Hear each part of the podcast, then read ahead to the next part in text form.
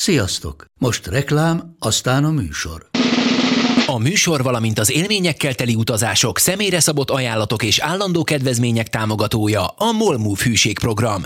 Nyisd meg a Molmove appot a profilodba belépve, add meg az utazási promóciós kódot, és tankolj Molevo és Evo Plus üzemanyagjainkból 15 forint per liter kedvezménnyel.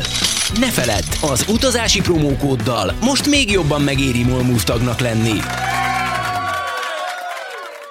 Vége a reklámnak, jön a műsor.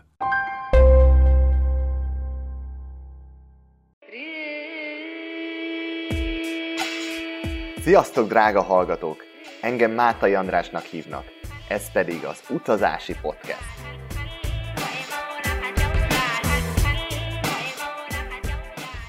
Epizódról epizódra világlátott emberekkel beszélgetek, hogy az ő izgalmas történeteiken és hihetetlen kalandjaikon keresztül ismerjük meg jobban a nagyvilágot. Az első részben egyből fejest is ugrunk Dél-Kelet-Ázsiába, azon belül is Tájföldbe. Hiszem azt, hogy egy országot leginkább úgy lehet megismerni, hogyha az ember benne él. Katona Balázs nem csak, hogy már 5 éve él és dolgozik Tájföldön, de ma már táj felesége is van. Így ő egy tökéletes beszélgető partner ahhoz, hogy igazán az ország mélyére lássunk. Olyan érdekes és furcsa dolgokról fogunk beszélgetni, amit lehet, hogy egy odautazó meg tud tapasztalni, de a mögöttes dolgokat biztosan nem fogja érteni. Mai témánk tehát Tájföld, ahogy csak az ott élők láthatják.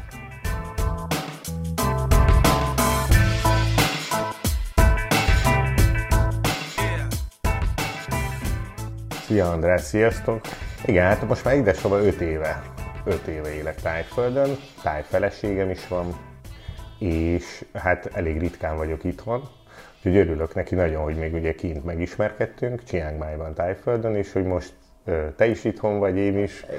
és legalább tudunk beszélgetni egy jót. Mivel foglalkozol kint, azt elárulod nekünk? Hát én túravezető vagyok tulajdonképpen, ilyen programokat, túrákat szervezek, vezetek is, és hát tulajdonképpen mindenbe segítünk a, a tájföldre, a Chiang Mai-ba látogató magyaroknak, legyen ez akár egy repülőtéri transfer, vagy hotel, vagy mondom, ilyen túrák, programok Észak-Tájföldön, ezzel foglalkozunk most már ötödik éve. Tehát egy nagyon jó forrás vagy, hogy milyen az élet, mit kell csinálni Tájföldön, és főleg Chiang Mai környékén. Igen, és az, azt gondolom, hogy a, mind a két oldal érdekes lehet, mert ugye ugyan én Tájföldön élek, de zömmel magyarokkal, magyar turistákkal, magyar nyaralókkal uh, találkozom, uh-huh. és szerintem ez is egy érdekes dolog, hogy hogy viselkedik mondjuk a, a magyar ember uh, tájföldön. Jó, akkor erről is mindenképpen beszélünk majd, de kezdjük tájföldről.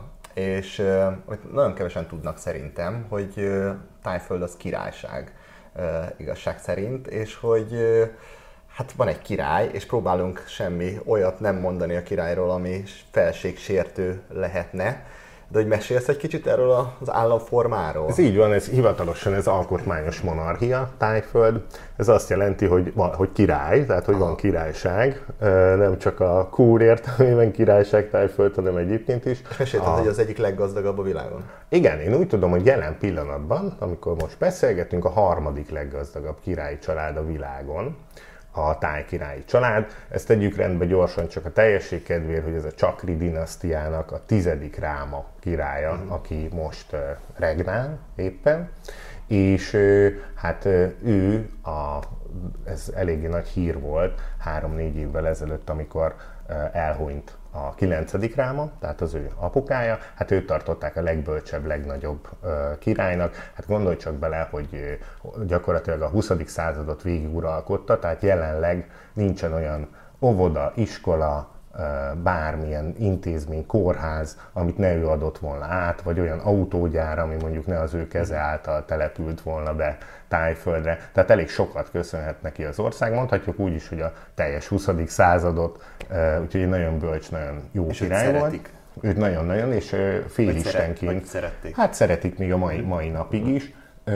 És az ő fia, aki a mostani uralkodó, hát róla annyit érdemes tudni, hogy jelenleg is Németországban él, tehát nem, nem Tájföldön, és és hát nagyon a, utaltál itt a gazdagságra, hát több légitársaság, vagy például a, a Kempinski szállodaláncnak a, az egyik tulajdonos oda is bevásárolta magát, palotái vannak, ugye, tehát egy nagyon-nagyon gazdag, mondjuk így, hogy gazdag, tehetős, tehetős királyról beszélünk, és ezt érdemes tudni, hogy ezt nem a nép adóztatásával, vagy sanyargatásával éri el. Tájföldön az áfa, az általános forgalmi adó az 7-es 7 százalék, tehát a mi 27-ünkhöz képest, csak hogy értsétek, hogy ugye nem, nem arról van szó, hogy mondjuk rabszolgasorba sanyarog a, nép. sanyarog a nép, hanem ő a saját vállalkozásai mm. által például több mint 600 repülőgép van a, a cégei tulajdonában, tehát mondjuk ez is egy elég jó üzlet.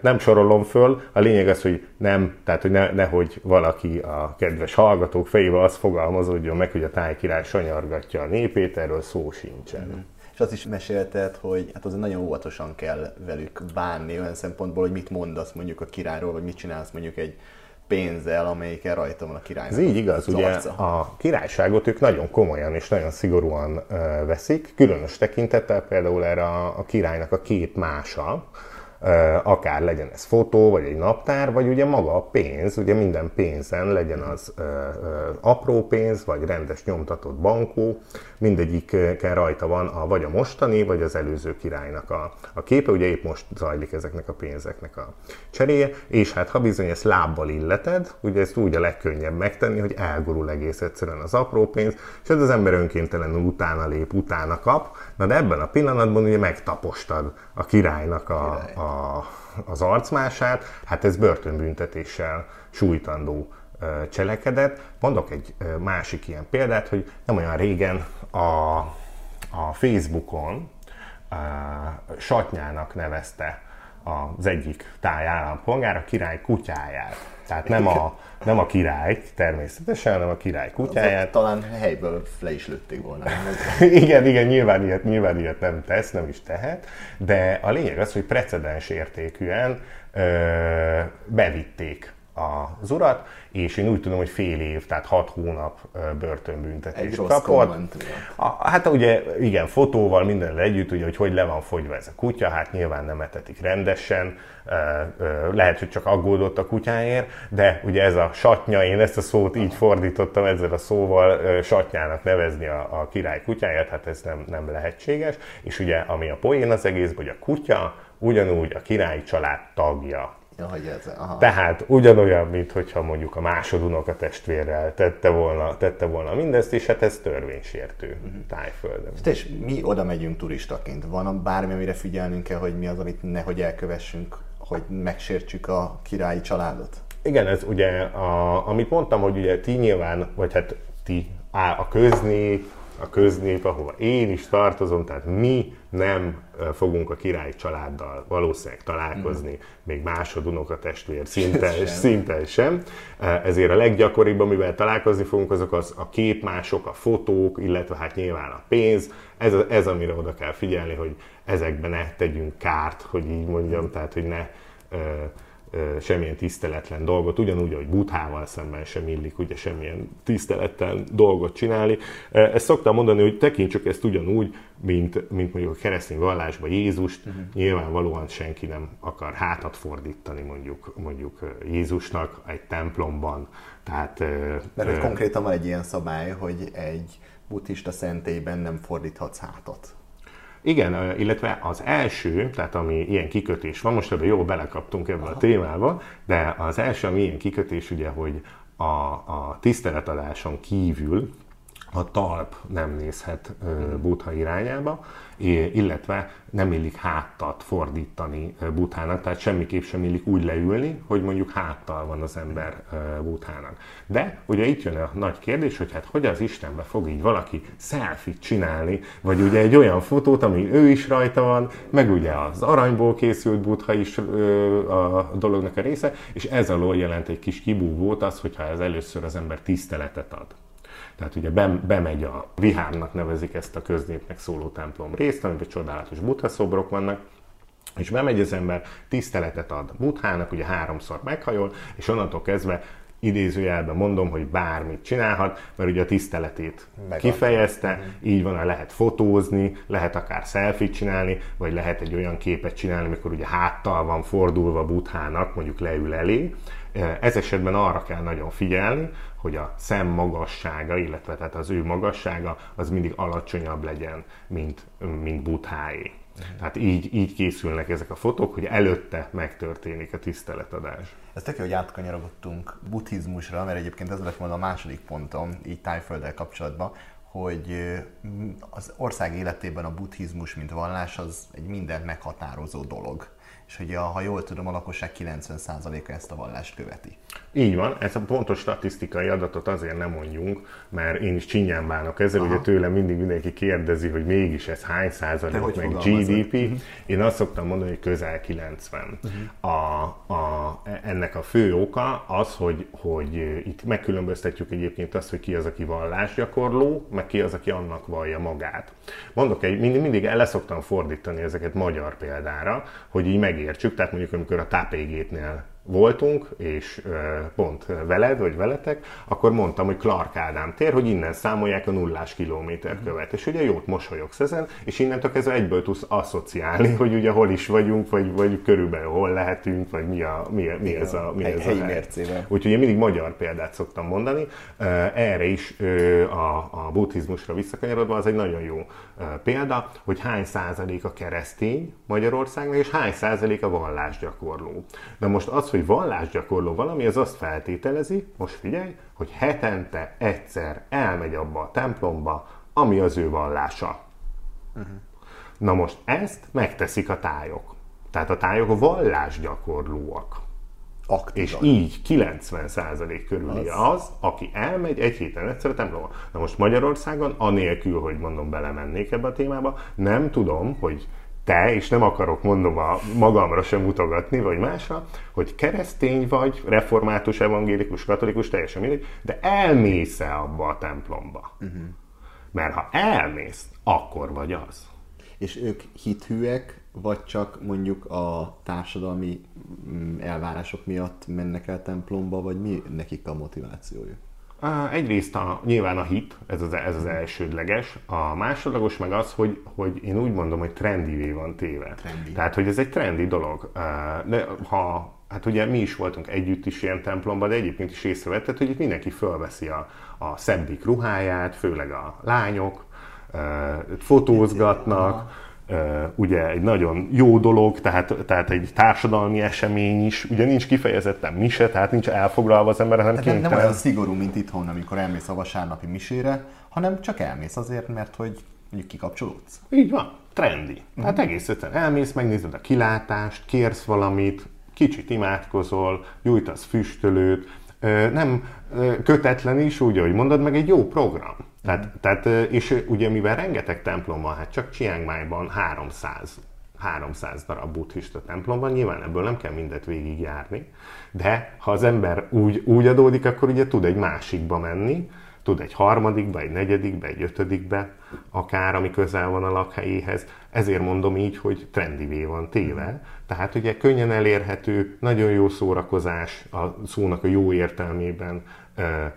megköveteli azt, hogy az emberek együtt legyenek, társadalmi esemény, megnézik egymás ruháját. Most jut eszembe, hogy azt is mesélted, hogy randizni is ide mennek? Igen, ez nem a, a randizásra, én úgy mondtam, tehát templomban nyilván nem illik sem kézen fogva, se csókolózni, se semmi ilyesmi, tehát ez nem egy, nem egy, egyébként tájföldön sem így van, különös tekintettel egyébként a templomokra, de de ö, nagyon jól lehet ismerkedni. És ismerkedni. Igen, nagyon jól lehet ismerkedni, hiszen pontosan ezért, mert, ö, mert mindenki a szép ruhájában van, egy kicsit ugye át van itatva, hogy így mondjam, áhítattal, biztonságban érzi magát, kötetlenebbül tud beszélgetni, tehát egy, egy nagyon jó ismerkedés. Nyilvánvaló, hogy mindenki ugyanazért van ott, hogy, hogy így mondjam, van egy közös téma, egyből, akár az, hogy megkéri az egyik a másikat, hogy tudnál egy fotót csinálni, vagy csinálunk egy közös képet, beszélgetünk-e, ugye, vagy te mit gondolsz erről. Ezt egy templomban, egy buddhista templomban nagyon-nagyon egyszerű és közvetlenül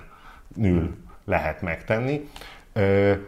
Míg, míg mondjuk más helyen nem annyira ildomos mondjuk az utcán vagy egy tömegközlekedési eszközön megszólítani a másikat, de hát egy templomban, ahol mindenki szép ruhában van, fesztelen, ugye jól érzi magát, hát abszolút könnyedén lehet ismerkedni. Uh-huh templomok, hogy hívják őket? Templomoknak mondjuk magyarul? Vagy magyarul mondhatjuk templomnak, a tájul vatnak, W-A-T, hogyha le akarom uh-huh. írni, vat és amit mondtam még, ez a Vihárn, ez a, fő, ez a főépület, ami a köznépnek szóló épület. Minden templomnak egyébként három része van, van egy külön a szerzeteseknek, van ez a nagy, hát én úgy szoktam mondani, főleg így, hogy vizuálisan lássátok, amikor a kará, mint hogyha egy karácsonyi csengettyűt letennék az asztalra. Egy kupola Egy ilyen kupola-szerű, ez a csedi vagy a stúpa.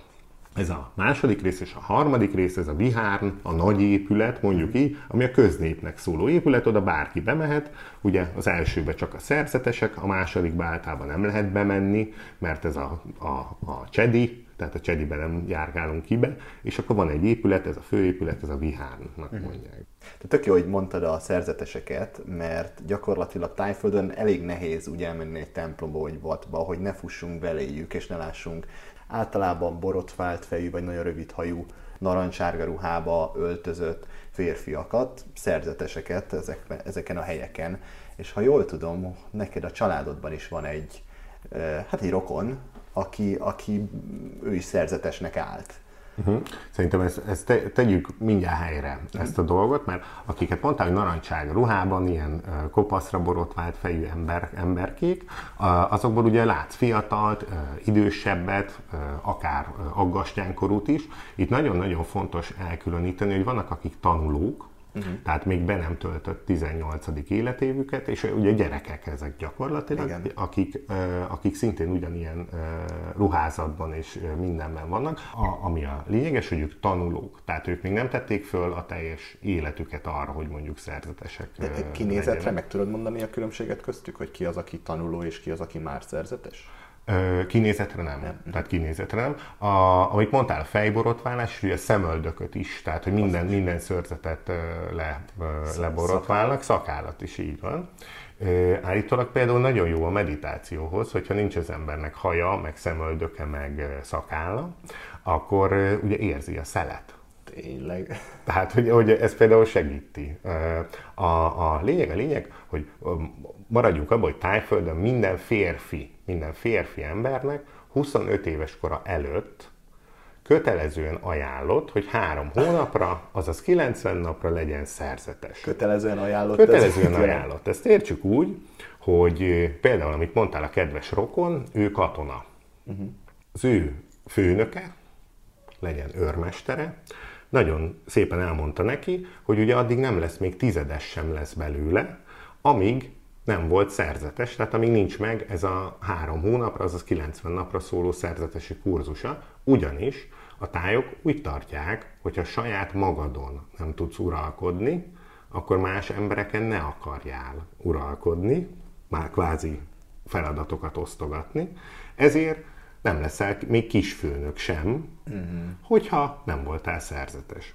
Hozzáteszem, hogy a mindenkori király, ugye erről is volt szó, az előző és mostani is volt szerzetes, ugyanígy 90 napra, 25 éves kora előtt és neki ugyanazokat a szabályokat be kellett tartani. Termi- ez természetes, ez természetes, ugyanazokat, a, így van, le, tehát le kell borotválni ugye a hajszatot, a, be kell öltözni szépen, ez három részből áll egyébként ez a mhm. ruha, és hát végig kell csinálni ezt a szerzetesi létet, hát igazából, mm. tehát hogy ez nem egy, nem egy kiképző tábor, mert sokan azt gondolják, hogy itt valami, nem tudom, tehát ez nem a francia idegenlégió, egész egyszerűen be kell tartani a szabályokat, amiknek mhm. része például a koránkelés, a napi egyszeri étkezés dél előtt, délután már nincsen uh, szilárd étel. Tehát ezeket a, a valóban köt, kötött dolgokat, de még egyszer mondom, hogy ez nem, tehát hogy ez nem egy kiképző tábor, csak a, a, úgy kell élni, hogy a többiek is élnek. És ők milyen kedvel vágnak ennek neki?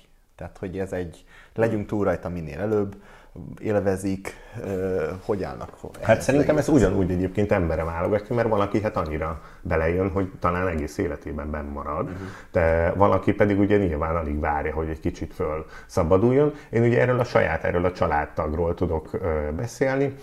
Tőle kérdeztem, mégis hát egy katona emberről van szó, hogy hát mi hiányzott nagyon a, a cigi, vagy a pia, vagy a nők, vagy a nem tudom, ugye hát fiatal emberről meg kell tartóztatniuk magukat mindennel. Igen, tehát ugye innentől kezdve ugye nincs például női, női érintés, vagy például a saját anyjával is csak úgy beszélgethet, hogy alacsonyabban van az, az édesanyja, mint ő maga. Ezt az nagyon sokszor szem, fotózzák szem. is, hogy ugye a kis szerzetes, az fönnül egy ilyen kis pulpituson, az a saját édesanyja meg előtte. Ül, De csak addig, amíg csak addig, Így van, uh-huh. a beszélgetéshez, hogy ugye följebb legyen a, a szerzetesnek a szemmagassága, mint ami az édesanyjának. De hát nincsen puszi, ölelés, hát gondold el, hogy ugye ugyanúgy, mint hogyha, mint hogyha egy szentember lenne, vagy hát az is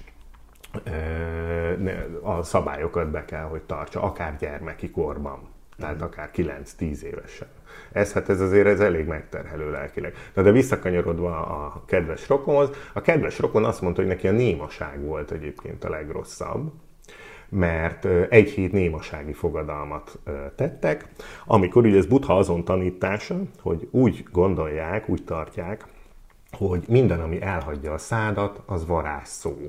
Mondjuk úgy, hogy karmikus szó, tehát vissza fog köszönni hozzád. Hogyha jót mondasz, akkor a jó dolgok, hogyha, hogyha rosszat mondasz, akkor a rossz dolgok. Na most különösen ide értendő a plegyka, káromkodás, ugye, tehát nagyon sok rosszat is tud tenni, rosszat is tud varázsolni az ember a szájával, és nagyon sok jót is tud mondjuk dicsérni, vagy valakinek ö, ö, ö, ugye elmondani, hogy milyen nagyszerű ember. Most ö, ilyen hétköznapi példákat mondok, ugye, tehát lehet jót is tenni, meg rosszat is.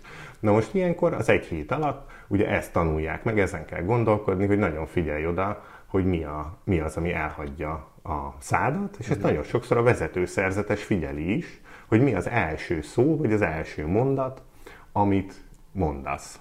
Ugye hát egy heted van végig gondolni, hogy, mit hogy, hogy mit fogsz mondani, ugye? Hát, de... Eszembe jut a Brian életét, láttad, amit igen, igen. Ném, 21 év némasági fogadalom, és ráugrik valaki a lábára, és elkezd káromkodni. A tájok akkor nem is káromkodnak? Hát de nyilvánvaló, hát mindenki káromkodik, hogyha belerúg az asztal sarkában, ami talán érdekesebb, hogy ugye a tájok nagyon sokszor a saját nemi szervükkel káromkodnak, nem tudom mennyire fér bele itt a műsor kereteibe, de, de hát mondjuk, hogyha az én feleségem belerúg az asztal lábába, akkor azt mondja, hogy ú, punci. Tehát ő nem azt mondja, hogy jó a faszba, hanem azt mondja, hogy ú, punci, mert hiszen neki nincsen a másik, tehát, ugye, tehát mindenki a saját nemi szervével káromkodik. Tök jó. És akkor a rokonod az már le is tette a, a, a, ezt a, hát az időszakot meg is csinálta. Ja, mondjuk úgy, hogy kurzust, igen, igen. Tehát akkor ez erősen ajánlott, és ez a karrier szempontjából fontos, és ezért így van. Meg. Tehát gondold el, hogy ugye egész Ázsiában, nem csak Tájföldön, azért túlkínálat van a munkaerőpiacon, hogy maradjunk ennél a nagyon egyszerű példánál, és hogyha jelentkezel egy állásra, mondjuk egy ilyen középvezetői vagy kisfőnöki, ahogy én hívom kisfőnöki állásra, akkor lesz rajtad kívül száz jelentkező. Tehát nem úgy, mint mondjuk itt, hogy tíz, hanem száz, ezer, tízezer jelentkező egy jó munkára, és abból bizony lesz 9000, akinek megvan ez a kurzusa. Uh-huh. És férfi. Uh-huh. Persze. Na most ugye a vallási okokból is, meg egyébként is ebből az következik, hogy az az, az ezer, akinek nincs, hát az, az nem sok eséllyel indul, mert még egyszer mondom, hát maga a király is volt szerzetes. Ha már, ha már említetted a katonaságot, akkor azért azt említsük meg, hogy Tájföld az egy Hát katona állam. Mondhatjuk így. Hát a regnáló miniszterelnök is katonatiszt, tábornok, és egy gyakorlatilag minden, a, minden hatalom a katonaság kezében összpontosul. Tehát ugye náluk van a fegyver, és náluk van az összes, ö, ö, hogy mondjam, kiadási jog. Ezek, ezek, nagyon, ezek nagyon érdekes volt. Mm. Említetted, hogy valami kell, mondjuk egy nyitsz egy kávézót, akkor nem az önkormányzathoz mész, hanem a katonaság fogja neked megadni a, az engedélyt. Illetve majdnem, hogy mindegy, hogy milyen szervhez mész, ott biztos, hogy egy katonatiszt fog ülni, aki, aki kiadja neked a szükséges papírokat. Uh-huh. Tehát, hogy nem feltétlenül mész be a légierő parancsnokságára mondjuk egy alkohollicenszért, de aki kiadja az alkohollicenszt, és ott ül a, a majd a, a kiadónál, az biztos, hogy legalább századosi rangban van, és egyenruhában. És hogy választják ki pontosan, a, hogy ki megy katonának? Erre is meséltél egy, egy érdekes Igen. dolgot. A... Ugye, tehát a, most nagyon belementünk, jó van, a, tehát a tájföldön van sorkatonaság. Uh-huh és ez a sorkatonai létszám, most tudtam, a 300 ezer fő. Viszont egy évben, ugye egy év a katonaság, 300 ezer emberre van szükség, de többen sorkötelesek, mint 300 ezer fő, tehát az államnak nem kell több, meg miért kéne többet eltartani, meg hát egyébként is, úgyhogy sorshúzással döntik el, hogy van egy narancsárga, meg egy fekete, labdácska, és akkor sorshúzással döntik el gyakorlatilag, hogy ki az, aki bemegy, és ki az, aki nem. Nagyon sokszor közvetítik is egyébként a tévében, komoly, való, olyan, mint egy valóságsó, igen, egy nagyon, nagyon vicces. Tök jó, hogy említettem, mert hogy kim voltunk, szálláson bekapcsoltuk a tévét, és hát mit láttunk? Egy egy film, egy amerikai film szerűség volt, de táj film volt, de úgy csinálták meg, mint hogy amerikai film lenne. Mondjuk ráfogott az egyik férfi a másikra egy pisztolyt, ki volt blőrözve a pisztoly, nem is tudom, nevetséges és idióta volt a, a, a szereplőknek a viselkedése. Mi nem hittük el, nem tudtuk, hogy ez most egy kabaré, ez most valami, valami nagyon rossz minőségű film, vagy ezt komolyan gondolják a tájok, de azt mondtad, hogy ez komolyan. Nagyon komolyan gondolják, és a, a szórakoztatás, és az ilyen dolgokhoz való hozzáállás, ők most angolul mondom, és megpróbálják magyarra lefordítani, ez az over everything. Tehát, hogy minden túl. Tehát, hogy a, a lényeg az, hogy túllőjön a te inger küszöbödön.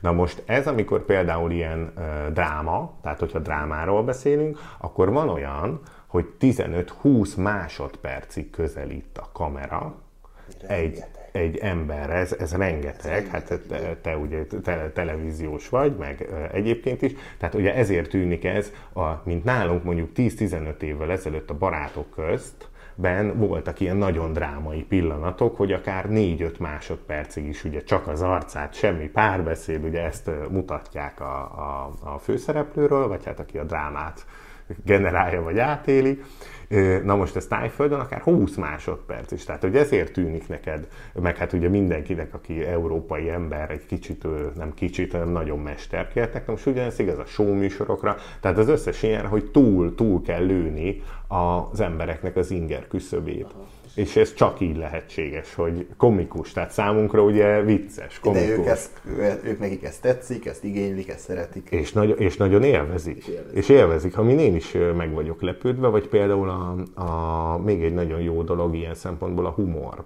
Hogy mennyivel másabb egy ázsiai embernek a humora, mint mondjuk egy európai embernek a humora. Ugye nyilván most itt nem a szóviccekre gondolok, ami magyar, hogy mondjam, nagy sajátosság, hogy mi ezeket szeretjük, hanem mondjuk gondolj el egy ilyen olyan készátverés show, vagy ilyen bakiparádé, mondjuk egy Benny Hill show-t, e, e, ez, ez ami, a... ami mondjuk valaki elesik, vagy, vagy hülyén fut, vagy valami ugye ilyesmi. Na most ezek a műsorok mennek most nagyon tájföldön. Tehát a, az ilyen jellegű komédia. Ha hotáncva nevetnek az ilyen igen, Igen, és igen, és igen. Tehát ami nálunk már ugye, mit tudom, most mondtam ezt a készátverés sót, hát ha, ben, ben ma, tehát, ha ma meglátsz egy készátverés sót, azért valószínűleg inkább azon nevetsz, hogy hát ezt valaki nézte, vagy hogy mondjam, tehát hogy ez, ez, ez egyáltalán ennek van-e szórakoztató értéke. Na most ezeknek a típusú műsoroknak van, meg ennek a típusú humornak van nagy keletje, hogy így mondjam, meg persze a, a tehetségkutatóknak. Ugyanúgy van uh, uh, Thailand Got Talent, mm. tehát ezek a, ezek a tehetségkutató műsorok. És a tájok egyébként tévét néznek, vagy már mobil? rengeteg tévét néznek, de mobilt is. Mobil is. De mobilt is. A, azon el vagyok csodálkozva, hogy több tévét néznek, mint a magyarok. Tehát nagyon sok, mm. nagyon sok tévét, és arányaiban nagyon drága a televízió előfizetés. Egy táj mit csinál a szabad idejében? Hát ez nagyon sokféle van, tehát van, aki tájboxozik nyilván, van, aki tévét néz, hát ugyanúgy ezt, szerintem ezt nem lehet így megmondani. Arra voltam kíváncsi, hogy illetve az, arra próbáltam rákérdezni, hogy mesélted, hogy nagyon sokszor van, és még a feleségednél vetted észre, hogy eltelnek neki új napjai, vagy mondjuk órák, amikor nem csinál semmit, hanem azt csinálja, hogy nem csinál semmit. Igen, ez például, na ezt például sehol nem láttam. Most, amikor ugye, most évek kezdett, amikor kiköltöztem, akkor lettem erre figyelmes, hogy egy, egy táj férfi, vagy egy nő, teljesen mindegy, tehát egy tájember, az el tud úgy tölteni hosszú 7-8, akár 9 órát is egy napból, hogy effektíve nem, nem, nem, nem, te, nem tevékeny. Uh-huh. Mit csinál? elül egyik székről a másikra, de ugye nyilván nyomkodja a mobilját, egy kicsit sétál, gondolkozik, meditál, szunyókál, tehát így, így hosszú órák nyúlnak el úgy, ami, ami mondjuk én is meg tudom ezt csinálni. Most már? Most már, most már, most már pláne, de amúgy régen is meg tudtam volna csinálni, csak nekem, hogy mondjam, unalmas. Tehát mondjuk, mondjuk e- egy, egy, én így mondom, hogy egy európai ember ezt, ezt mondjuk nem tudná egy hétig csinálni. Uh-huh. Gondol, gondolom érti mindenki, hogy mire gondolok, tehát hogy, hogy ez a tengés, lengés, nem tudom, izé, és, és mondjuk, hogy nem menjünk messzire, igen, például az én feleségem is, ezt meg tudja csinálni 5-6-7 órán keresztül, úgyhogy megkérdezem, hogy mi újság, vagy, vagy nem tudom, mi történt, és akkor semmi. Ez, ez például szerintem nagyon, nagyon... Irigyésre miért méltó szerinted, vagy, vagy inkább furcsa és kevésbé tudod megérteni? Ez, nagy, ez, tudod, ez nagyon-nagyon attól függ, hogy milyen perspektívából nézi az ember. A te perspektívádból. Az én perspektívámból, mivel én ugye azért üzleti életet is élek, vagy hogy mondjam, tehát van, amikor fontos a határidő, van, amikor ugye nyilván, tehát, tehát akkor nagyon-nagyon zavaró, a, amikor az ember pedig mondjuk a relaxációs idejét próbálja eltölteni, akkor meg borzalmasan kényelmes ez a, ez a fajta hozzáállás, hogy nem kell azzal, tehát nem kell programot csinálni, hogy így mondjam, hanem semmi, el, el leszünk. Ott leszünk és el leszünk. Igen, tehát mondjuk, nem tudom, te, hogyha elmész egy ilyen programra, akkor nyilván van a fejedben valami, hogy akkor enni fogunk, vagy inni fogunk, vagy valamit fogunk csinálni, de most ez nem kell. Tehát nem kell ezzel foglalkozni, meg nem kell, tehát ez, ez, ez, ami, ez a szervezettség, tudod, meg ez, ez, ezzel nem kell foglalkozni, relax, relax van, ott leszünk, el leszünk, aztán hazajövünk. Kész.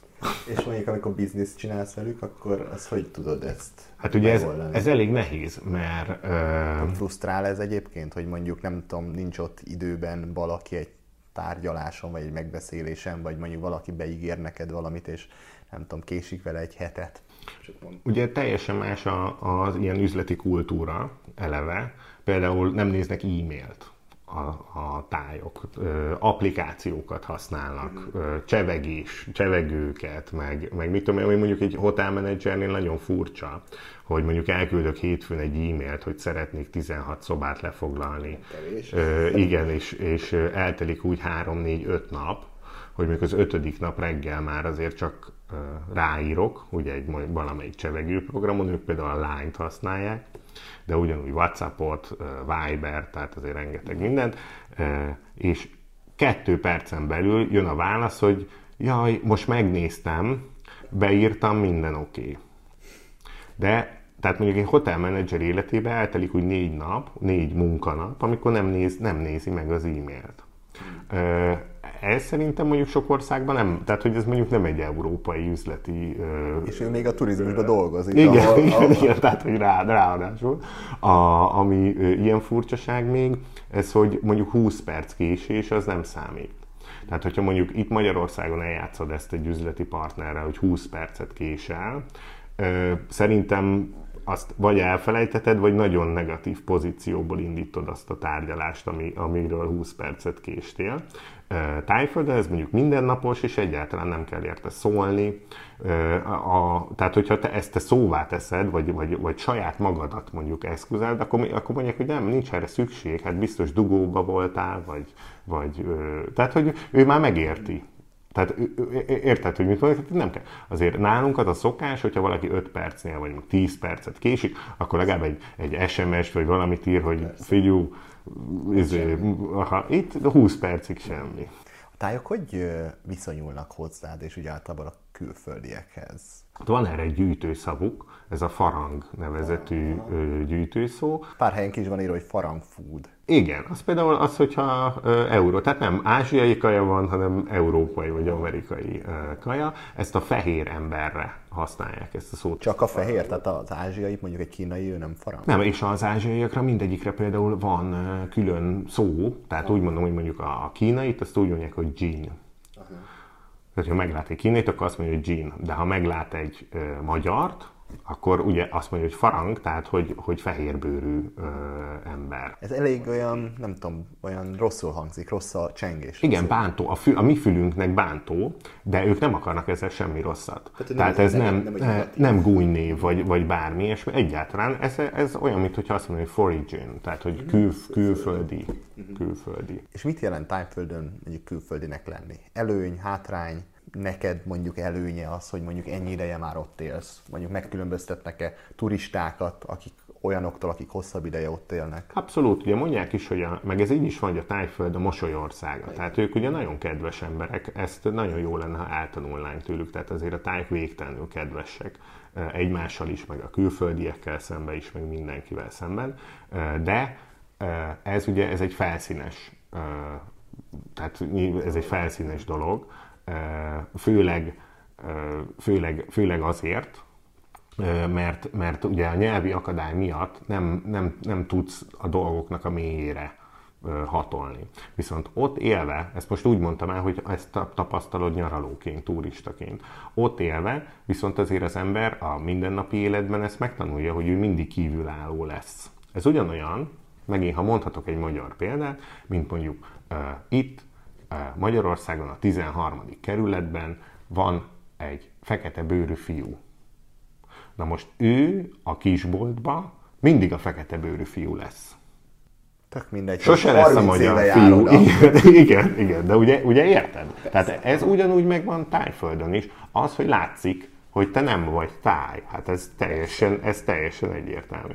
Na most ezek a falak, hogy így mondjam, ez akkor omlik le, amikor az ember elkezdi beszélni a nyelvet, szintén visszakanyarodva a fekete fiú Magyarországon példájához, ha elkezd egy kicsit gagyogni magyarul, akkor nyilván elkezd a boltos nő is mosolyogni, meg te is, meg hogy hát, az nem is káposzta, hanem kápotta, vagy mit tudom én, bármi ilyesmi, teljesen mindegy.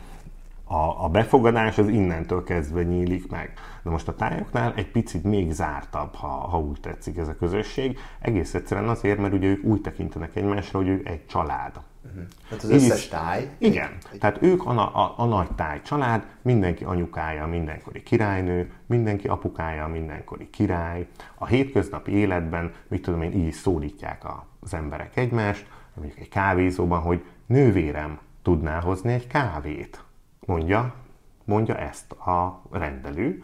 Ö, mindenki, öcsém, hugom, bátyám, nővérem. Ha idősebb, akkor azt mondom neki nővérem, ha fiatalabb, akkor azt mondom neki, hogy hugom. Vannak ugye egyértelmű szituációk, ősszakáló bácsi például, igen, de hogyha körülbelül, mint mondjuk nálunk, ugye most fönnáll az eset, mi körülbelül egykorúak vagyunk, ilyenkor mindig illik fölül pozícionálni a másikat. Ez főleg hölgyeknél furcsa, ugye, hogy nővérem, azt mondod, hogy nővérem, nővérem, és akkor ugye ő kacagva kikérheti magának, hogy hát én azért inkább csak a hugod, Tehát ez ilyen flörtölés is mondjuk. Mondhatjuk, hogy de, de illik, tehát hogy így illik. Ez egy illedelmes dolog, hogy fölül pozícionálod, tehát a korát följebbre, följebbre teszed, és ezzel ugye nagyobb tiszteletet is adsz ö, meg a beszélgetés során. Aztán, hogy persze ezt lehet javítani, meg ugye ez a megszólítás, ez el is marad, tehát ugye ez az első fél órában izgalmas, de utána azért, azért elel van ez harapva. Tehát nyilván én se foglak egész nap öcsikézni vagy bátyózni, hanem csak beszélgetünk. De a megszólítás az, az konzekvensen az, hogy öcsém, hugom, bátyám, nővérem. Mesélsz egy kicsit nekünk erről a jelenségről. Hogyha Ázsiába, Dél-Kelet-Ázsiába megyünk, akkor az nagyon gy- gyakran lehet látni, hogy pasik, nyugati pasik tájnővel jönnek össze. Igen, hát ezt én is észrevettem, hogy így mondjam, tehát nem, ez nem, nem egyedi példa. Én ugye, amint kiszoktak akadni az emberek, inkább így mondom, az ugye a nagy korkülönbség. Tehát amikor mondjuk egy 60-70 éves bácsi, van egy ha- 20-as, 30-as, akár 40-es ö, hölgyel, ugye ezen, ezen szoktak egy kicsit, de, de ugye mindenki azt gondolja, hogy ennek az elsődleges oka a pénz. A, mi biztos vagyok benne, hogy az elsődleges oka a pénz, hiszen arról van szó, hogy valószínűleg egy szegényebb közegből, mondjuk táj közegből érkezik a hölgy, és az úr meg mondjuk Amerikából vagy Európából teljesen mindegy, legyen ő egy nyugdíjas, akinek van fixen ezer, több ezer eurója akár a, a kalapban. Tehát van, van egy ilyen biztos megélhetési oka is a dolognak. Igen ám, de a, a tájnők, azok nagyon szeretik az idősebb férfiakat. Elmondom, elmondom hogy miért. A, talán, talán a legfontosabb az, hogy van tőle mit tanulni. Uh-huh. Tehát már rálátott az életre, lehet, hogy volt már pár házassága, gyereke, ugye, tehát, hogy már, már, már van egy élettapasztalata, rengeteg mindent lehet tőle tanulni. A, úgy mondom, hogy mindenki értse, azt szokták mondani, hogy ők már nem ütvefúrók, tehát kvázi nem kell vele annyit szerelmeskedni, mint mondjuk, mint mondjuk egy, egy 20-as, egy, hát persze, mint mondjuk egy 20-as éveiben lévő uh, palival, illetve hát a, a szexualitás, hogy maradjunk ennél a témánál, nyilván kiforrottabb már egy idősebb uh, úrnál, tehát a kvázi jobb élményre is nem olyan rossz élményekre számíthat mondjuk a, az adott hölgy. Persze nyilván van, aki fordítva gondolja. Tehát ugye pont egy latin szeretőt szeretne a 20-as éveiben, de azért, de azért ez is benne van egy megfontolt ö, ö, ö, a, a, a, kala, a kalapba azért ez is benne van. És ami még fontos, hogy, hogy általában van gyerek, ugye, aki külön él ettől a hölgytől, viszont, viszont egy idősebb úrnak ez általában nem jelent problémát. Aha. A, a... Mert hogy általában a tájnők azért elég korán szoktak szülni. Igen. Ugye a következő a helyzet, hogy a tájföldön nincsen szexuális felvilágosítás. A, a, az iskola nem teszi meg, a családban sem ildomos erről beszélni, tehát egyszerűen tabu téma, mondjuk így, hogy tabu téma, olyaddig, hogy a, a pornófilm is tiltva van Tájföldön, tehát hogyha Tájföldön beírsz egy, egy felnőtt oldalt, amit ö, tudsz, hogy nem tudom, hogy ez egy olyan oldal, ö, akkor a logót fogod látni, a, a, a, a, az állam, az állam logóját, a government logóját, így van, hogy, hogy ez nem, nem elérhető. Na most ugye ebből az következik, hogy nincsen, tehát hogy se az iskola nem teszi meg, se a család, se a média, hogy így mondjam, se a, az internet ilyen szinten ugye korlátozva van. Ezzel hát azért egyértelműen az szokott lenni, hogy az első szerelemmel jön az első gyerek. Uh-huh. Ami ugye azért 15-6 éves korban hát bőven lehetséges a mai világban, még akár korábban is, és a, a hölgyek ugye megtartják ezt a gyereket. Hát mi, én úgy szoktam mondani, hogy én már idősebb vagyok, én már tudom, hogy az első szerelem az elmúlik, de a gyerek az nem múlik el, hanem ilyenkor jön az, hogy ott marad szegény hölgy egy gyerekkel. Na most, hogyha megtalálja élete második szerelmét, ugye hát e-, erről a gyerekről erről gondoskodni kell, erről gondoskodnak a nagyszülők. Tehát nem a szülei, hanem a nagyszülők, ez generációk óta így van, azért, mert a szülők elmennek dolgozni, küldik a nagyszülőknek a pénzt, egyébként meg az általános iskolát bőven jó, hogyha mondjuk ott vidéken elvégzi. A De ez akár úgy is lehet, hogy külön, tehát hogy a vidéken él a nagyszülők a gyerekkel, és mondjuk a szülő a nagyvárosban. Ez így van. Ez így, tehát, aha. hogy abszolút így van. Tehát nem, is talál, nem is látják mondjuk a gyereket. Mondjuk hétvégén, vagy két hetente hétvégén. Aha. És ez egyébként, hogyha belegondolsz, tudom, hogy ez mindig furcsa, amikor erről beszélünk magyarokkal, hogy ez így van, meg hogy én erről ilyen lazán beszélek, meg, meg mit tudom én. De ugye például az én feleségemet a is a nagyszülei nevelték föl, és pontosan tudom, hogy ez neki nagyon jó volt, mert egy nagyszülőnek van ideje, kedve, tejbe vaj, tü, türelme, tejbe vajba fürözteni az unokát, hát a szülőknek nem igazán van, mert dolgoznak, ugye hétfőtől péntekig napi 8 órát, jó esetben, rossz esetben még többet, hát se idejük, se kedvük nincs elmenni az iskolába a gyerekért, a tanulni vele, a, még a játszóra, még a ide, még a oda. Ugye hát ez, ez, a, a, ez egy hétköznapi probléma, hogy így mondjam, ami persze most mindenki mondja, hogy hát ez nem probléma, hát ez, ez ugye az én gyerekem, stb. De, hogyha ugyanezt a nagyszülő csinálja, az valószínűleg sokkal kellemesebb és nyugodtabb a, Én látom a az előnyét egyébként. Rengeteg előnye van, így van. Simán.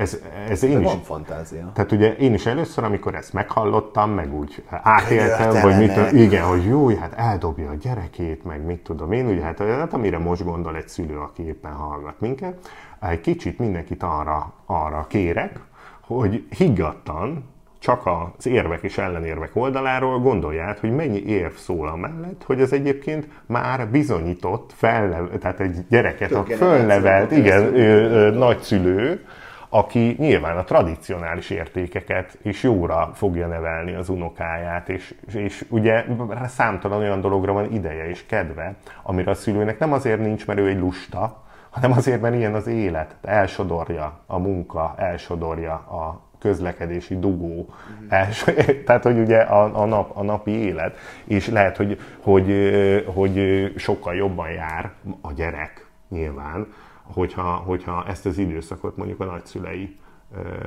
nél tölti. Mondok egy, egy teljesen racionális példát. A, ha pénzre van szükség, és túlóráznia kell a két szülőnek, akkor ezt, ha a nagyszülőnél van a gyerek, akkor ezt lazán megtehetik. Vagy akár, ugye, tehát, tehát bár, bármit. Ha velük van a gyerek, akkor ugye ez egy, ez egy hétköznapi probléma, pedig ugye arról van szó, hogy ezt a pénzt együtt akarják élvezni nyilván, amit Hát most nem megyek ebbe bele, ez már szociológia, mindenki gondolkozzon el szerintem magában, hogy ez most kegyetlenség, vagy jól van, -e, jól van -e van ez így. fantázia teljesen.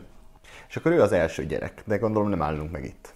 Hát nyilván nem állunk meg itt, mert akkor jön a második szerelem, uh, második szerelem vagy akár a harmadik szerelem. A lényeg az, hogy, hogy ugye ez már olyan 20 éves korban történik, tehát ezek ugye a, a tínédzser évek, hát itt eléggé jól, tehát azért mondom, hogy könnyen becsúszhat egy gyerek.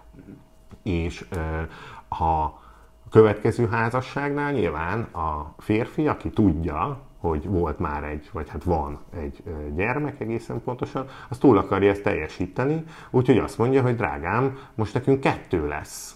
Tőlem kettő legyen, és ebben a pillanatban már hát nyilván a, az asszony, ugye az ifjú, ifjú arra is belátja, hogy hát akkor túl kell teljesíteni ezt a szintet, úgyhogy kettő, úgyhogy innentől kezdve a hölgynek három gyerekről kell, ha úgy tetszik, gondoskodnia, és hát ha mondjuk becsúszik még egy házasság, akkor és így tovább három, négy, öt gyermekről is lehet gondoskodni. Őket szintén a nagyszülők nevelik, vagy itt már mondjuk elég idősek ahhoz, hogy mondjuk már ő maga nevelje a gyereket, vagy itt, itt már nem számít? Itt ugye a, a viszonyoknál nagyon-nagyon fontos a, a hely. Ugye Tájföld óriási ország, rengeteg várossal, faluval, elhagyatottabb részekkel, nem annyira, mondjuk egy bankoki toronyházban dolgozó modern szülő, az valószínűleg ebben az esetben azt mondja, hogy legyenek nálam, hiszen ő már európai módra, tehát ugye nem, nem követi mondjuk a, akár ezt a tradíciót, hanem azt mondja, hogy itt bankok mondjuk teljesen alkalmas a modern életvitelre, a toronyházakkal, az autókkal, stb. stb. De ha mondjuk ugyanez vidéken van, mondjuk egy faluban, hát ott na, ma, majdnem biztos, hogy a nagyszülőnél maradnak ezek a gyerekek, vagy mm. szóval, hogy nekik kell erre gondoskodni. És mennyire, hát azért jönnek, mennek a szerelmek. És emlékszem, nekem meséltél egy furcsa dolgot, hogy ők a viszonyokat is mennyire nyíltan és racionálisan kezelik. Á, már tudom, mire gondolsz, a milyen olyan kisfeleség fogalmára. Ugye, tehát, hogy van, hát mi úgy mondanánk, hogy szerető. Csak ugye a szerető a magyarban az valami titkos tehát az, az, az titok, nem? Tehát Igen. szeretőjét azt azért általában megpróbálja mindenki Persze. titokban tartani, de most Tájföldön a kisfeleség az egyáltalán nem titkolt. Tehát nem, itt ugye, itt ugye arról van szó, hogy van egy ö, ö, család, és mondjuk apu szeretne, szeretné kiélni a vágyait. De hát már megunták egymást anyával, vannak gyerekek, mondjuk van három gyerek, stb. És ő hát szeretne egy fiatalabb hölgyel közelebbi kapcsolatba ö, kerülni. Hát ennek nyilván nagyon sok módja van, de a legkorrektebb és legtisztább módja az, hogyha talál egy ilyen kis feleséget, ezt így is hívják, hogy mi a noj, a, a kis feleség, aki aki hát tulajdonképpen a szeretője lesz, de ezt nagyon sokszor be is mutatják a feleségnek, tehát adott esetben elmennek együtt vacsorázni, mondjuk hármasban, hármasban, hármasban így van, ö, ö, ö, elköltenek egy jó vacsorát, és a, az úr, apa lelép a kis feleséggel, és ö, majd reggel jön. Nagyon sokszor, most látom, hogy meg vagy ezen egy kicsit döbbenve. Még így is. Még így is. Így is. hogy hogy, hogy ugye nagyon sokszor ez egyáltalán nem probléma, és akivel én beszélgettem hölgyel, aki ennek mondjuk a részese, tehát a feleség, nem a kis feleség, hanem a feleség, ő például azt mondta, hogy, neki, hogy ez semmilyen problémája nincsen, van elég gondja így a hétköznapi életben, három gyerekük van, azokat... így, így van, így van. Tehát ő pont, pont ugyanezt mondta, hogy addig se engem nyaggat itt a mindenféle igényeivel, meg, meg ezt szeretné, azt szeretné, hanem ez korrekt, nem prostituáltakhoz jár, tehát mindig máshoz, nincs ugye nagy veszélyben, hogy így mondjam, plusz így, hogy ismerik a szeretőt, és ugye meg vannak állapodva, hogy így mondjam, nem is hordja el otthonról a pénzt. Mm. Tehát, hogyha mondjuk ugyanezt mondjuk egy kocsmába prostituáltakkal csinálná, akkor ugye mennyi veszélynek lenne, mm. lenne kitéve, akár betegségek, akár ugye bármi. Így viszont van egy, van egy korrekt, komplett, hogy így mondjam, kis feleség, aki az ilyen jellegű igényeket és, és ez a társadalmilag elfogadott, és tehát hogy néz erre a társadalom? Ez elfogadott, elfogadott teljesen igen. hétköznapi dolog. És miért jó a kisfeleségnek ebben mi a jó? Mert hogy azt értem, hogy az asszony nem nyaggatja a pasi, akit uh-huh. már un, meg a pasinak lesz valaki új, de a kisfeleség... Megint visszakanyarodunk ide, hogy a pénz. Uh-huh. Tehát mondjuk adott esetben van egy egyetemista lány, aki szeretne egyetemre járni, és mondjuk megállapodik. Vidékről jött, Vidék, teljesen mindig nincs rá pénze. Oké. Okay. Albérletet is kéne fizetnie éppen ott, ahol az egyetem van, meg a tandíjat, meg a tankönyveket, meg a ez azt nem, aztán nyilván van egy havi keret összege, mit tudom én, 100 ezer forintnak megfelelő bat, és ő azt mondja, hogy úgy is megismerkedtem ezzel a jóképű 50-es úriemberrel, hát én leszek az ő szeretője, hogyha ő mondjuk ezt a fél évemet ezt kifizeti, nem egy összegben, hanem mint a havonta. Az albérletet, tehát érted, hogy nem, nem, nekem nem is kell, hogy pénzt adjon, nagyon sokszor ugye ez van, hogy nem is nagyon, mert hogy nem, hát hogy nem prosti. Persze. Tehát, hanem csak annyi, hogyha jön a számla, akkor be kell fizetni. Aha. Vagy ha jön a tandícsek, akkor a tandícseket be kell fizetni. Hát valakinek be kell fizetni. Lehet, hogy van olyan hallgatónk, aki felkapja erre a filét, hogy ez nem is olyan. ez nem is olyan rossz, ugye? ugye a, még egyszer mondom, hogy ugye a nagy előnye ennek a dolognak az, hogy nagyon sokszor ez nem, tehát nem kell titkolni, nem és nem, nincs, nincs egy, egy ilyen rizikófaktora mm. az egész dologban, mm. mint, mint ha mondjuk valaki ugye fű alatt csalná az asszonyt, hanem ennyi, ő az, nem tudom, gizike, 23 éves, tessék, itt van, látod, hogy tiszta, rendes életét azzal. Te persze, nyilván azért ezt a nemes gesztust, ezt nehéz az asszonynak beadni, viszont azt igen, hogy, hogy megismerheted, tehát hogy nem arról van szó, nem foglak elhagyni, ugye? Tehát, hogy egy csomó minden tisztára, tisztára mos egész egyszerűen ez. Uh-huh. Ez a, ez a kapcsolat, ez a bemutatás.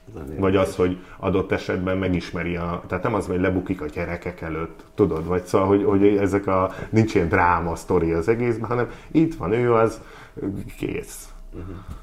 Visszakanyarodunk még egy kicsit a, a külföldi pasik és a tájnők kapcsolatára, illetve egy kérdés ezzel kapcsolatban. Olyat láttál, hogy külföldi csaj tájpasival? Ö, igen, mondjuk összesen egy ilyen magyar nőt tudok, ilyen aki... Százezer és egy az arány, ö, vagy igen, egy. Én, én azt gondolom, bár ö, én ugye nem vagyok nő, de női szemmel azért szokták mondani, hogy nem túl ö, vonzóak a, a tájférfiak, hát ugye ez az egyik oka. Uh-huh. Ö, ö, semmiképp sem a német szépség ideált, hogy két méter maga szőke, kékszemű táj azért kevés van. Ö, egyrészt, Másrészt meg ugye hát nem, tehát hogy ahol, amennyire mi vonzónak látjuk mondjuk a, a tájnőket, én úgy tudom, hogy a, a, a, az európai nő, az mondjuk nem látja ennyire vonzónak a tájférfit. Tehát uh-huh. szerintem ennek ez, a, ez az egyik fő oka. És a tájnő, egyébként ugye említetted, hogy nyilván a pénz az egy fontos dolog, de mondjuk a tájnőnek az európai férfi, mint fizimiskája fizikailag, ő, ő neki azt tetszik? Hát, Vagy csak odáig tart, hogy, hogy idősebb, tanulhat tőle pénz? Nagyon tetszik. Nagyon erre, tetszik. ez, a, erre ez, a, ez a gyors válasz, nagyon tetszik, de hogyha belegondolsz te is teljesen józan észszel, tehát olyan, hogy hogy mondjuk mindenkinek fekete a haja, mindenkinek sötét színű a szeme, általában mindenki alacsony, és mondjuk a tájoknál egy picit barnább bőrű. Na most megjelensz mondjuk te, a gyönyörű kék szemeiddel, a fehér bőröddel, a magasságoddal, és hát e, nyugodtan mondhatom szerintem, hogy valószínűleg több van a nadrágodban is, vagy nem több, hanem nagyobb van a uh-huh. nadrágodban is, mint, mint amiket eddig a hölgy láthatott. Uh-huh. Na most ez egy olyan előnyt, egy olyan fort jelent, a, egyszerűen a megje, tehát egyszerűen az, hogy egy európai férfi, a, amivel ugye nem tud, nem tud versenyezni mondjuk egy, egy ázsiai. Uh-huh. Na és mit szól ehhez egy tájpasi? Nem érzik emiatt hátrányosan magukat? Nem érzik ezért mondjuk, hogy nem szeretik a külföldi pasikat? Biztos van, aki így gondolja, de én a nagy átlagról tudok beszélni. A nagy átlag az egyáltalán nem gondolja ezt. És ez abból fakad, hogy túl kínálat van, vagy ilyen szépen mondjuk, tehát rengeteg a, a, a szép lány tájföldön, és a sikeresebb tájpalik, azok nagyon-nagyon váltogatják a, a barátnőjüket, és más nálunk, hogy mondjam, van ez a szerelemféltéses kultúra, hogy mindenki nagyon-nagyon félti a, a párját. Na most én ezt tájföldön nem ennyire tapasztalom, hanem nem azt mondom, hogy megvonja a vállát és jöhet a következő, de nincs, de nincs ilyen nagy, ö, nagy féltés, hogy, mm-hmm. hogy így mondjam, hanem egész, egész egyszerűen rá van bízva a hölgyre, hogy ő most mit, mit dönt. Uh-huh. És még egyszer mondom, hogy ugye nagyon nagy túlkínálat van, tehát rengeteg a, uh-huh. a szingli fiatal lány tájföldön. Én úgy tudom, hogy az arány is ilyen 60-40, tehát inkább 60% a nő és 40% a férfi, de ezt így a hétköznapi életben mindenhol tapasztalja az ember, hogy túlkínálat van. Tehát, tehát nagyon sok a, a, a csinos, csinos lány. És akkor, ha például tájföldön látunk egy nagyon idős pasit, aki egy nagyon fiatal tájnővel van, az, az is csak nekünk, mint külföldinek olyan furcsálló? Vagy nem, azért, hát ez az, már, az, ez az a már ők is, persze, már ez, ez, minden, ez minden kultúrában furcsál, furcsállandó, Aha. de abszolút nem számít uh, rossznak. Tehát, tehát úgy mondom, hogy senki nem fogja őket megszólni az utcán, vagy nem fogja a pincért ledobni eléjük az ételt, vagy tehát, hogy semmi, semmi ilyesmi negatív diszkrimináció nincsen, de mondjuk ez ugyanolyan, mint hogyha valaki mondjuk ö, ö, ö, prostituáltként dolgozik, most mondok valamit, az se egy ilyen megvetendő dolog, tehát mondjuk nálunk azért ez, ez eléggé meg, megvetés tárgya, vagy hogy mondjam, így a hétköznapi normában, hogyha valahogy társaságban azt mondja valaki, hogy prostituált, hát az, az azért mindenkinek megvan róla jó negatív véleménye. Mondjuk Tájföldön nem biztos, hogy ez így van. Tehát ugyanolyan szakma, hogy így mondjam, mint egy, mint egy festő, vagy burkoló. Tehát vagy... Nem, nem titkolják mondjuk, vagy nem, nem olyan... Nem, nem feltétlenül téma ez. Nem téma? Nem, nem téma ez, de nem, tit, de nem titkos. Uh-huh. De nem titkos. Tehát itt az arányokra akarok rávilágítani igazából, hogy ami nálunk tűz, tűzzel, vassal írtandó, és a legrosszabb dolog, ami történhet az életben, az ott ugyanolyan szakmának számít, érted, mint mondjuk nálunk egy rosszabb szakma, nem tudom, most nem akarok ilyet mondani, direkt nem akarok rosszat mondani. Jó. De azért gondolom nem megy haza a kislány büszkén, hogy ez a... Nincs, de apuci tudja. Apuci tudja Há, apuci tudja, tudja. Igen. Aha. Tehát nem kell ennyire titkolni. És most jutott eszembe közben, és szerintem ez egy nagyon érdekes dolog, hogy mi a státusznak a jelképe Tájföldön. Más dolgokat tartanak fontosnak, és máshogy mutatják ki, hogy nekik mondjuk ők sikeresek, sok pénzük van, igen, a, a, a státusz szimbólumok, ugye ugyanúgy tárgyi szimbólumok vannak, mint hát mm. máshol, csak ugye teljesen, el, tehát teljesen más az értékrend. Erről már beszéltünk, és azt gondolom, hogy nagyon, nagyon érdekes az, hogy, hogy hogy hogyan következtetnek, meg hogyan élik meg mondjuk a márkás ruha kérdését. Ugye Magyarországon Mondok pár példát, például ilyen ruha. Nálunk, ha valaki márkás ruhában van, az trendi, menő, gazdag, biztos van pénze arra, hogy XY márkában legyen. Ugye Ázsiában ez nem feltétlenül így van, mert minden kopi. Tehát pontosan tudja mindenki, hogy ez egy másolat. Igen. Tehát a, ugye az a Louis Vuitton meg Gucci, az... Vagy a Rolex óra, vagy ugye hát ezek a... Így, így van, tehát ugye ezek a, ezek a példák. Tehát, tehát ezzel nem nagyon tudsz kitűnni, hmm. hogy te most talpig Louis Vuittonba vagy, vagy versace mert ugyanazon a piacon vetted, amin én. Tehát, csak, ugye... csak te azt, azt, azt tetszett neked, igen. meg azt tetszett. Tehát ezzel nem tudsz kitűnni. Na most a másik az autó, ugye nálunk is nagy, nagy státuszszimbólum az autó, Tájföldön is nagy, nagy státuszszimbólum, de sokkal inkább a rendszáma. Uh-huh. Tehát nem feltétlenül mondjuk az, hogy, hogy, hogy milyen az az autó. Nyilván természetesen... Egyedi rendszám? Vagy? Egyedi rendszám, így van. Például az új autók azok piros rendszámmal közlekednek, hát ennél feltűnőbb nem is lehetne. Ez egy ideiglenes rendszám, és majd kiküldik, mit tudom én, egy fél éven belül a, a rendes fehér alapon fekete rendszámon, de hát nagyon sokan például az én egyik szomszédom is ezért fizet, hogy elkeverjék az igazi rendszámát, és most már három éve jár piros rendszámos autóval. Mondom, ez még egyszer mondom, hogy mindegy, hogy milyen autó. Csak azért, hogy menőzzön a szomszédok előtt? Olyannyira, képzeld el, hogy a régi autóval ben áll a garázsba, az új autóval pedig kinn az utcán, hogy ugye mindenki lássa. Hát most nyilván én fordítva csinálom, az újat tenném be a garázsba, hogy jó fiam, de ugye ez akkora státuszszimbólum, pedig nem egy nagy autó, tehát nem egy, nem egy. De az, hogy ez egy piros rendszámos új autó, ez ennyit számít. Na most az, hogy, hogy a rutinosabb uh, goldiggerek, tehát a rutinosabb aranyások, azok már pontosan tudják, hogy az autó nem számít, mert 15 évre föl lehet venni tájföldön még autóhitelt, és képzeld el, hogy a THM az csak 2% Tehát igen, nagyon drága autóhoz lehet jutni, kis beugróval, hogy így mondjam, 15 évre eladósodva, de ez nem feltétlenül jelenti azt, hogy valaki gazdag. Uh-huh. Tehát, szó, tehát, hogy a, a, a szónak abban az értelmében, hogy tehetős. Tehát, hogy azért ne csodálkozzunk, hogyha mondjuk valaki kimegy Chiang Mai-ba, és látjuk ezeket a hatalmas vadi új terepjárókat, és hogy hogy lehet a tájoknak ilyen autójuk. Így van, így van, és ugye nagyon-nagyon olcsó, tehát a, a hitel az 2%-os hitelre, ami szintén egy, egy nagyon-nagyon jó dolog. Na igen, ám most itt jön a képbe az, hogy hát akkor mi? Hát a ruhával, meg a kocsival nem annyira lehet felvágni, és egy dolog van, amivel a mai napig ugye mindenki, ez az arany. Gyűrűk, láncok, karlánc, nyaklánc, minden, tehát minden, minden, ami arany, és főleg ugye ezek az amulettek, amik a, amik a nyakban vannak. Például az én apósomnak kilenc amulet van a, a nyakába. Hát ő úgy szoktam mondani, hogy nincsen százezer bat alatt amulettje, tehát ezek egy nagyon drága. Százezer az egy millió.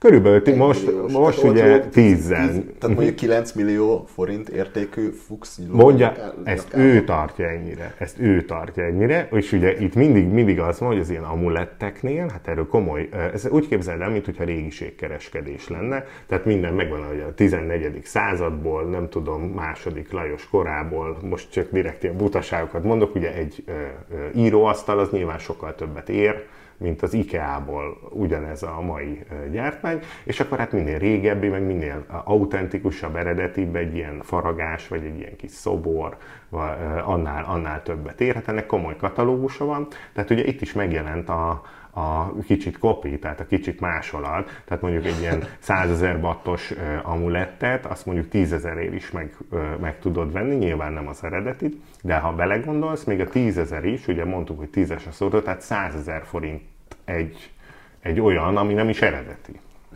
Nem semmi. Mint Tehát hogy régen valóban. Ilyen, ilyen sztorit, hogy a, melyik fürdő van a Margit szigeten, hogy ott a gyúrós csábok így belementek a vízbe a ilyen új vastag lánccal, és fönnmaradt, és fönnmaradt a víz tetején, mert hungarocel volt befújva aranyszínű sprével. És egyébként az apósból kinézett, hogy ott lóg a nyakába 10 millió? Nem feltétlenül, de ő, nagy, ő például nagyon sokat lottózik. Tehát a, az Aha. egyetlen legális szerencsejáték, direkt ezt szoktam így mondani, az a, az a táj lottó.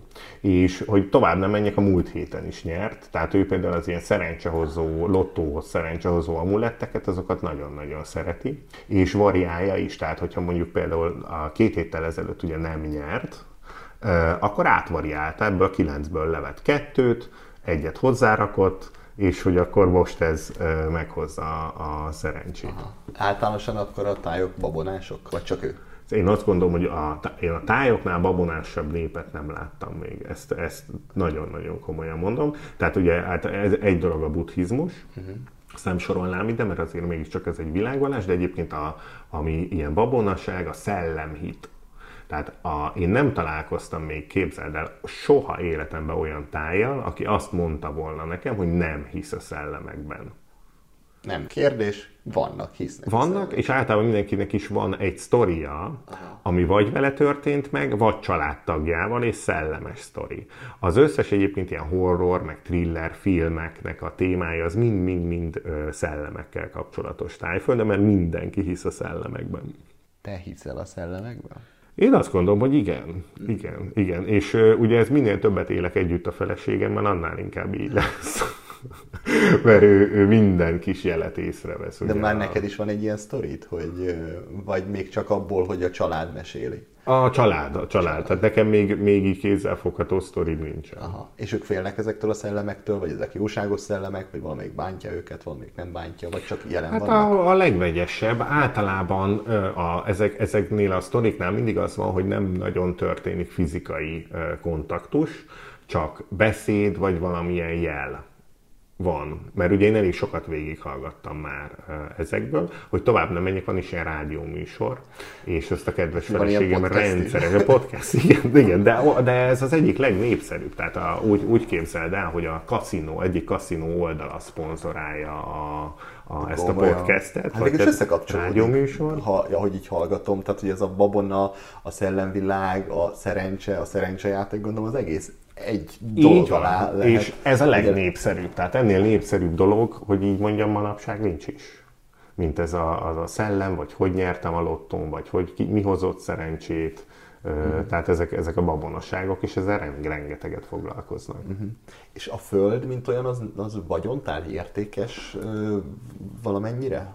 A föld? A abszolút, a föld. Abszolút. Hát ugye ez, erre például van egy nagyon jó szabályozások, az az, hogy a tájföld, az csak táj tulajdonban lehet, tehát nem lehet soha farangi vagy külföldi, uh-huh. ha úgy tetszik, csak táj állampolgári, aki született táj. Uh-huh. Övé lehet a földterület. És hát ezt, ezt nagyon meg is becsülik, meg hát azt gondolom, hogy ez egy teljesen jó törekvés. Uh-huh. Ezzel kapcsolatban eszembe jutott, hogy mesélted, hogy a nyugdíj az nem létezik. Igen. És hogy gyakorlatilag a, a földterület, illetve az azon termesztett rizs jelenti egy családnál a, a nyugdíjat. Igen, ez nagyon sokszor így van. Ezt is tegyük szerintem egy kicsit így keretbe. Aha. Tehát a nyugdíjra csak az számíthat tájföldön, aki állami alkalmazott. Rendőr, katona, tanár, orvos, tehát állami alkalmazott. Aki nem állami alkalmazott, annak nincs nyugdíja. Na most ez azért nyilván ez a többség. Akinek nincs nyugdíj, annak valahogy meg kell oldani azt, hogy amikor munkaképtelenné válik, akkor ugye legyen valamilyen jövedelme. Erről az ő családjában a gyermekei kell, hogy gondoskodjanak. Első számú a legfiatalabb lány, uh-huh. aki, aki erről kell, hogy gondoskodjon. A legfiatalabb lány. Igen, tehát a legutoljára született lány, Aha. akinek ez az első számú feladata, hogy, hogy erről gondoskodjon. Kvázi a gyerekek adják össze a nyugdíjat. Na most Ugye nyilvánvalóan ez azért a 21. században már egy elég megterhelő dolog, ettől függetlenül egyébként működik, tehát ebben a pillanatban is így működik minden tájföldön. És erre meséltem neked, hogy például ez arról nagyon sokan úgy, tehát úgy csinálják, egy kis üzleti érzékkel, hogy vesznek egy földterületet, ami mondjuk egy rizsföld, és szerencsés területeken kétszer, akár háromszor is tudnak rist aratni. Mondjuk azt, hogy ez mondjuk öt hónaponta egy fix jövedelmet biztosít, kvázi ez a nyugdíj. És akkor ezt úgy szokták, hogy nyilván hát ez az idős ember, ez már nem tudja megművelni a rizsföldet, hanem kiadják bérbe. Na most, hogy aki műveli, az is érdekelti legyen téve, ugye abban, hogy minél jobb legyen a termés, ezért azt szokták mondani, hogy ugye nyilván összeszedik a rizst, learatják, kiviszik a piacra eladni, és a rizs értékének az 50%-a a tulajdonosé, ergo a nyugdíjasé, 50%-a, meg a művelőjé, aki, aki megművelte a földet. Így nyilván mindenkinek az az érdek, hogy minél több és drágább rist állítsanak elő, és ez egyfajta nyugdíj. Uh-huh. Szóval említetted, és ott meg is akadt egy kicsit a, a gondolatmenetem, hogy a legfiatalabb lány. Mi van, ha csak fiúk születnek? Hát ez egy nagyon jó kérdés. Most gondolom el fogunk jutni a ladyboyok kérdéséig, mert nem ez mindenkit, ki, mindenkit nagyon érdekel. Tehát ugye maradjunk abba, hogyha egy családban a harmadik gyerek, a harmadik gyerek is fiú, uh-huh. hát az egy elég nagy tragédia. Tehát akkor ugye nem, a, most csak józan paraszti észre gondolj bele, hogy minden szülő muszáj, hogy úgy gondolkozzon, hogy a fiú az valószínűleg nem fogja biztosítani az ő nyugdíját. De, de ő miért nem fogja biztosítani? Mert ő csajozik, elissza, nem keres annyit, stb. Mert a lánya jó gyerek, aki törődik velünk, a fiú az meg egy az, lány, ez a megítélés? Egy lány sokkal nagyobb eséllyel lesz jó kislány, tehát úgy mondom, hogy az, aki hazaküldi a pénzt, illetve akinek fix munkahelye van, sokkal könnyebben talál állás, sokkal jobban tud érvényesülni. Tájföldön pont fordítva van, tehát egy nő az sokkal jobban tud érvényesülni, mint egy, mint egy férfi, de mindjárt kitérünk erre, hogy hogy lesznek ugye a ladyboyok, hiszen ők tudnak a legjobban érvényesülni a munkaerőpiacon.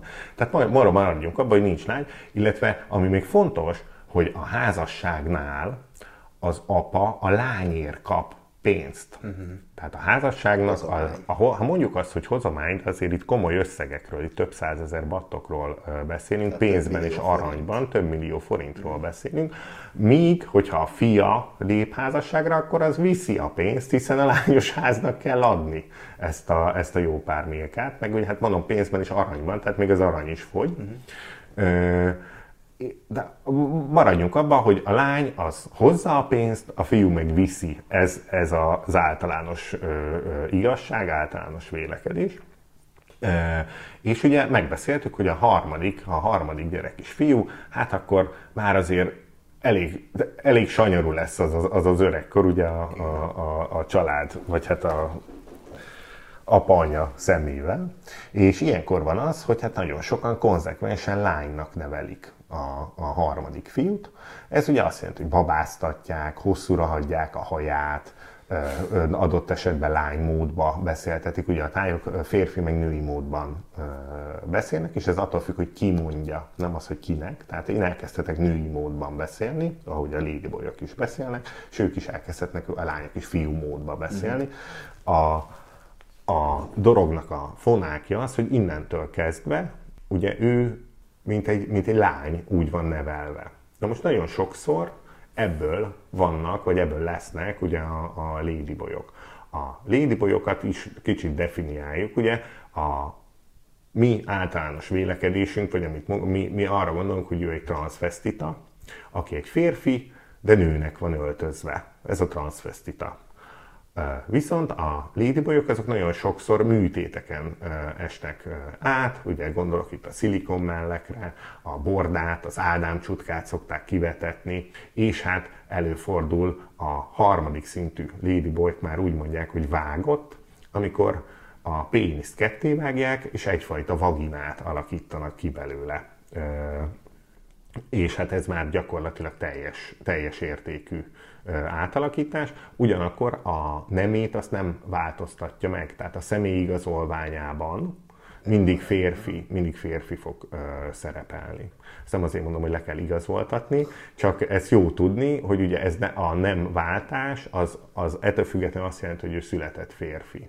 Tehát van egy férfi, aki férfi. Attól, hogy őt máshogy nevelik, és csak a neveltetés miatt ő belőle nő lesz, vagy ezután az a gyerek az már csak a tradíció miatt, illetve a kötelessége miatt azt mondja, hogy hát akkor nekem ez jutott, én vagyok a legkisebb, én leszek akkor a nő a családban? Én ezt azért nem tudom elképzelni. Egyrészt nem vagyok a témának se pszichológus, se, se meleg nem vagyok, tehát hogy nem, nem tudom. Én az én magam egyszerű eszével azt látom, és azt gondolom, hogy aki, aki a férfiak, tehát férfi, aki férfi, aki iránt vonzódik, az nyilván annak egy egyenes útja van, de szerintem erre nem lehet rászoktatni, vagy rá kényszeríteni ö, hosszú távon nyilván nem em, embereket.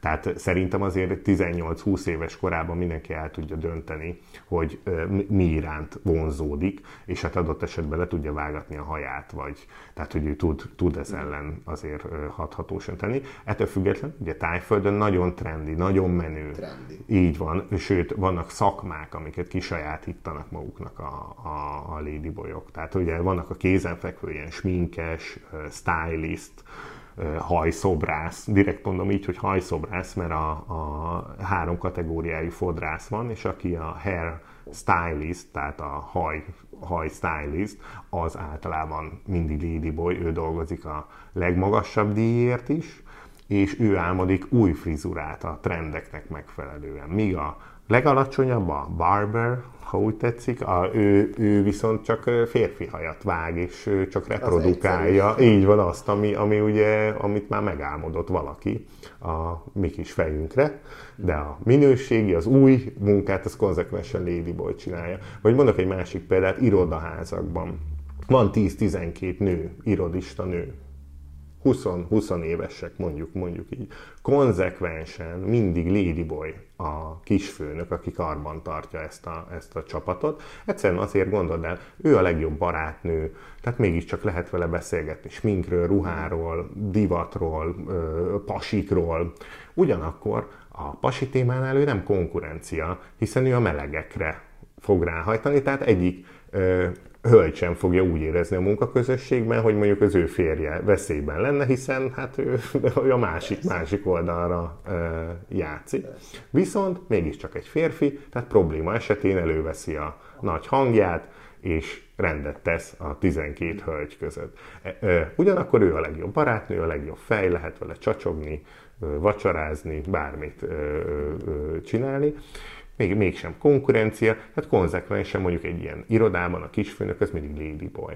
Ugyanakkor mondjuk, ahogy visszakanyarodjunk az én tevékenységemhez, a túravezetők között is vannak ladyboyok, természetesen, és hát ők a legnépszerűbbek, hát mindenki velük akar menni, ugye érdekli az embereket az, hogy, hogy mégiscsak milyen lehet ő az életben, vagy így a hétköznapi életben. De, tehát maga a Ladyboy dolog, akik mennek mondjuk hozzád magyar utazók, milyen a megítélés? Vegyes, nagyon vegyes. Ve, nagyon vegyes. Á, én, azt, én azt mondanám, azért sok száz magyar vendégünk van, tehát itt elég nagy a, a szórás.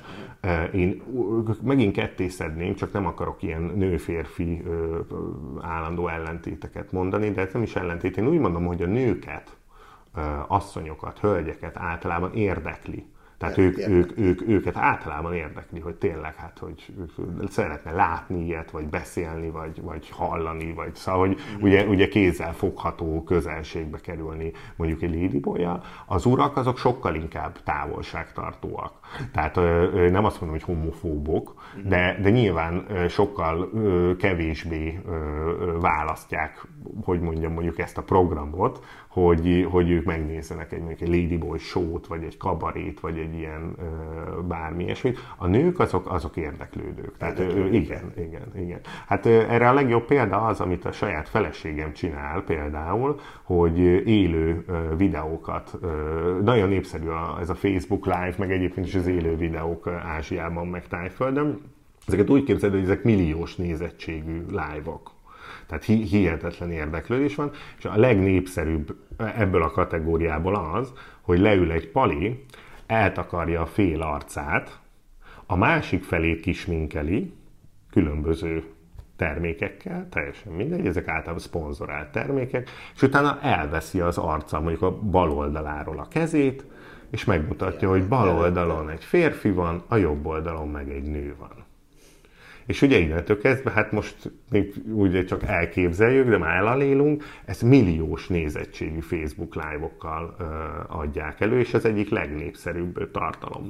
Például na, a, a smink cuccot nem tudsz úgy eladni tájföldön, hogy ne Ladyboy-jal reklámozd, mert egy nő, ez most az az én privát véleményem, véletlenül se szeretném, ha ez így általánosítás lenne, de én úgy látom, ez az én gondolatom, hogy, hogy egy nő, majd tájnőnek nem, nem, nem, nem fog megbízni a másik nő tanácsában, sokkal inkább meg fog bízni egy férfi tanácsában, mert az nem konkurencia, nem féltékenység, nem azért mondja, hogy ó, nagyon jó az a ruha, hát azért, mert kövérít, biztos, mert azt akarod, hogy te szebb legyél. Tehát érted biztos, hogy mire gondolok, ez, ez az attitűd, egy pali, egy ladyboy, az, az biztos, hogy meg fogja mondani, hogy drágám, ez tavaly se volt divat. Vagy drágám, ez nagyon rossz, ez a szemtus. És alapja van arra, hogy ugye ezt mondja. Egy másik nőnek nem biztos, hogy elhiszi, nem biztos, hogy van arra alapja, nem biztos, hogy ért hozzá, azért mondja, mert féltékeny, vagy azért mondja pont, hogy, hogy rossz legyen. Ugye, tehát ott, ott rengeteg kérdés fölmerül. Egy ladyboynál, egy férfinél ilyen kérdésben, divat, smink, haj, ez föl sem merül. Ő biztos, hogy őszinte lesz, ő biztos, hogy a legmodernebb, tehát a saját tudásának megfelelő legjobbat fogja mondani, ajánlani, és így tovább. És ő mégiscsak egy férfi, aki nővé minkeli magát. Hát kinek higgyem el, hogy, hogy ez jó, hogyha nem egy férfinak, aki, nő, aki nőként, hát akkor én, mint nő, hogyan, hogyan tudnék szebb lenni már ennél? Az előbb már említetted a magyar utazókat, sőt a, a legelején, a felvételnek a legelején is, hogy hát azért jó pár száz magyar utazót fogadtatok már. Milyenek vagyunk mi Tájföldön? Milyenek vagyunk mi magyarok Tájföldön? Mi magyarok tájföldön? Hát érdekes kérdés. Szerte, én úgy mondanám, hogy szerte, szerte ágazóak. Ugye nálam Chiang Mai az azért eléggé szelektál.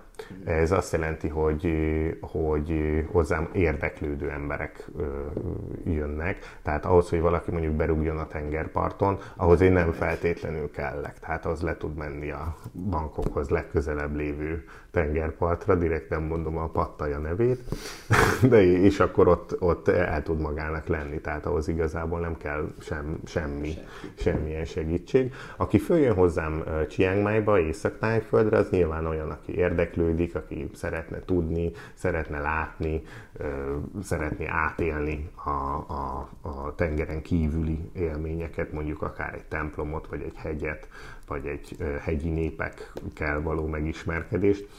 A, tehát nekem jók a, a tapasztalataim a, a magyar utazókról. A, hát ugyanakkor vannak furcsa furcsa esetek, csak hát erről nem, nem érdemes beszélni az ilyesmiről. Mm.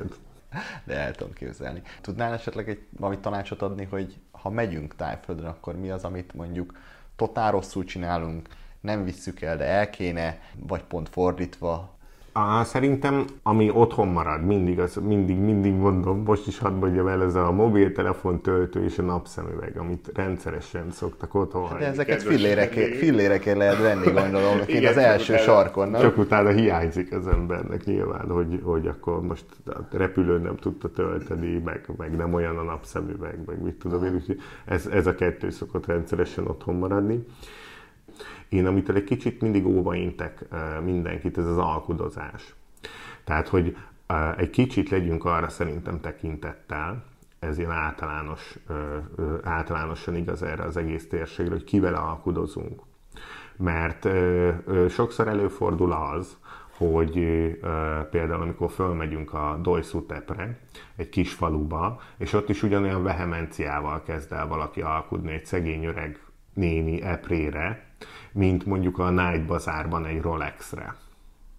E, és ugye a kettő, az én azt szoktam mondani, hogy mindenki gondolja át, mielőtt ebbe belemegy, ebbe az egész alkudozós szituációba, hogy kivel uh, alkudozik, mert adott esetben annak a hölgynek mondjuk csak az az epre van, és abból szeretne, hogy azt el, eladja, abból szeretne ma, már mondjuk élelmiszert vásárolni, míg lenne a, a copy Rolex kereskedő általában arabok és indiaiak árulják ezt, hát a bőrük alatt is pénz van, tehát mondjuk róluk lealkudni egy-két ezer battot, az igazából még talán élvezet is, de mindenképpen az emberség, az emberi oldala, a, a dolognak szerintem az, az olyan, hogy ha kérhetem, akkor ezt megkérném mindenkitől, hogy azt is nézze meg, hogy kivel alkuszik, ne csak azt, hogy mire.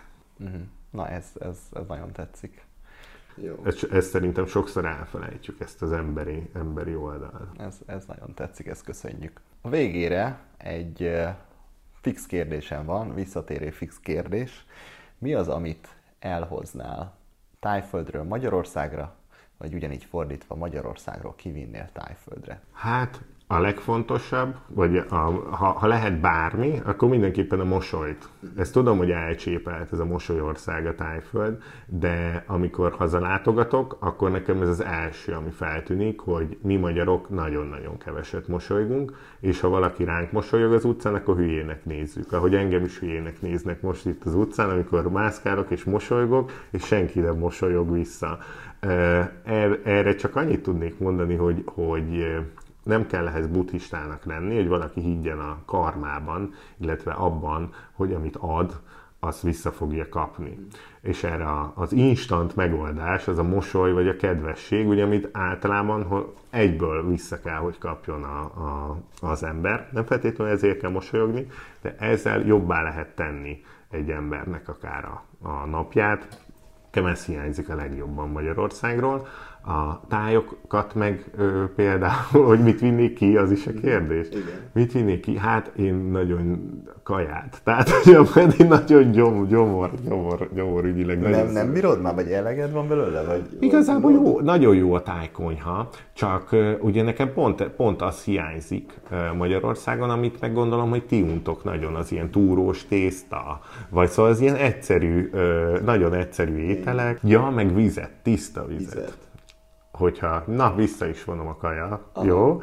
Maradjuk abban, hogy ide a mosolyt hoznám, oda meg a, meg a magyar vizet. Jól van. Hát köszönjük szépen. Én a hallgatóknak nektek azt ajánlom, hogy osszátok meg ezt mindenkivel, aki tájföldre utazik. Balázs, neked köszönöm szépen. Elmondod, hogy hol lehet téged megtalálni, titeket megtalálni? Persze, minket megtaláltok a www.chiangmai.hu oldalon, ami úgy van írva, hogy ch-val, tehát www.chiangmai.hu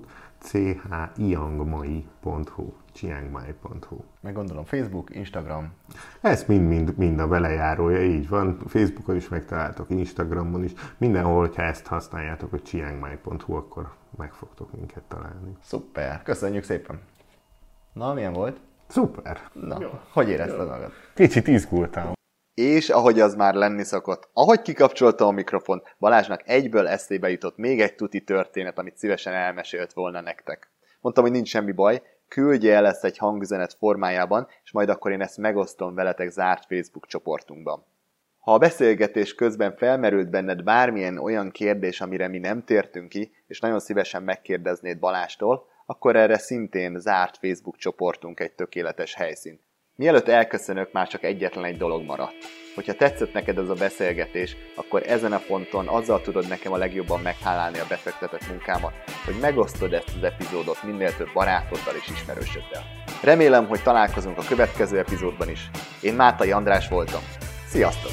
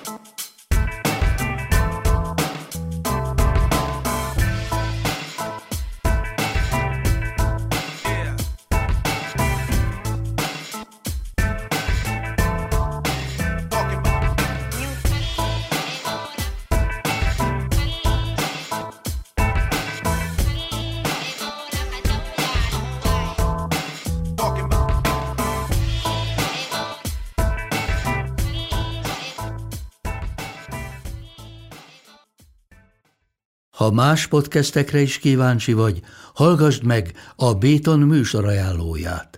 El tudod képzelni, hogy a podcastet, amit éppen most hallgattál, fél év múlva már a mesterséges intelligencia generálja? Mi sem. De ha érdekel, eljött már a gépek lázadása. Hallgass bele az Embertelen podcastbe. Orsós Lajos vagyok, a műsor házigazdája. Egyelőre még élőben. Egyelőre. Fedezzük fel együtt, hogyan ismerkedik, randizik, mesél és vitatkozik Betty és Péter, két teljesen mesterséges intelligencia. Lajos, a podcast címét mond még egyszer, Léci. Oké. Okay. Embertelen podcast. Ez a műsor a Béton közösség tagja.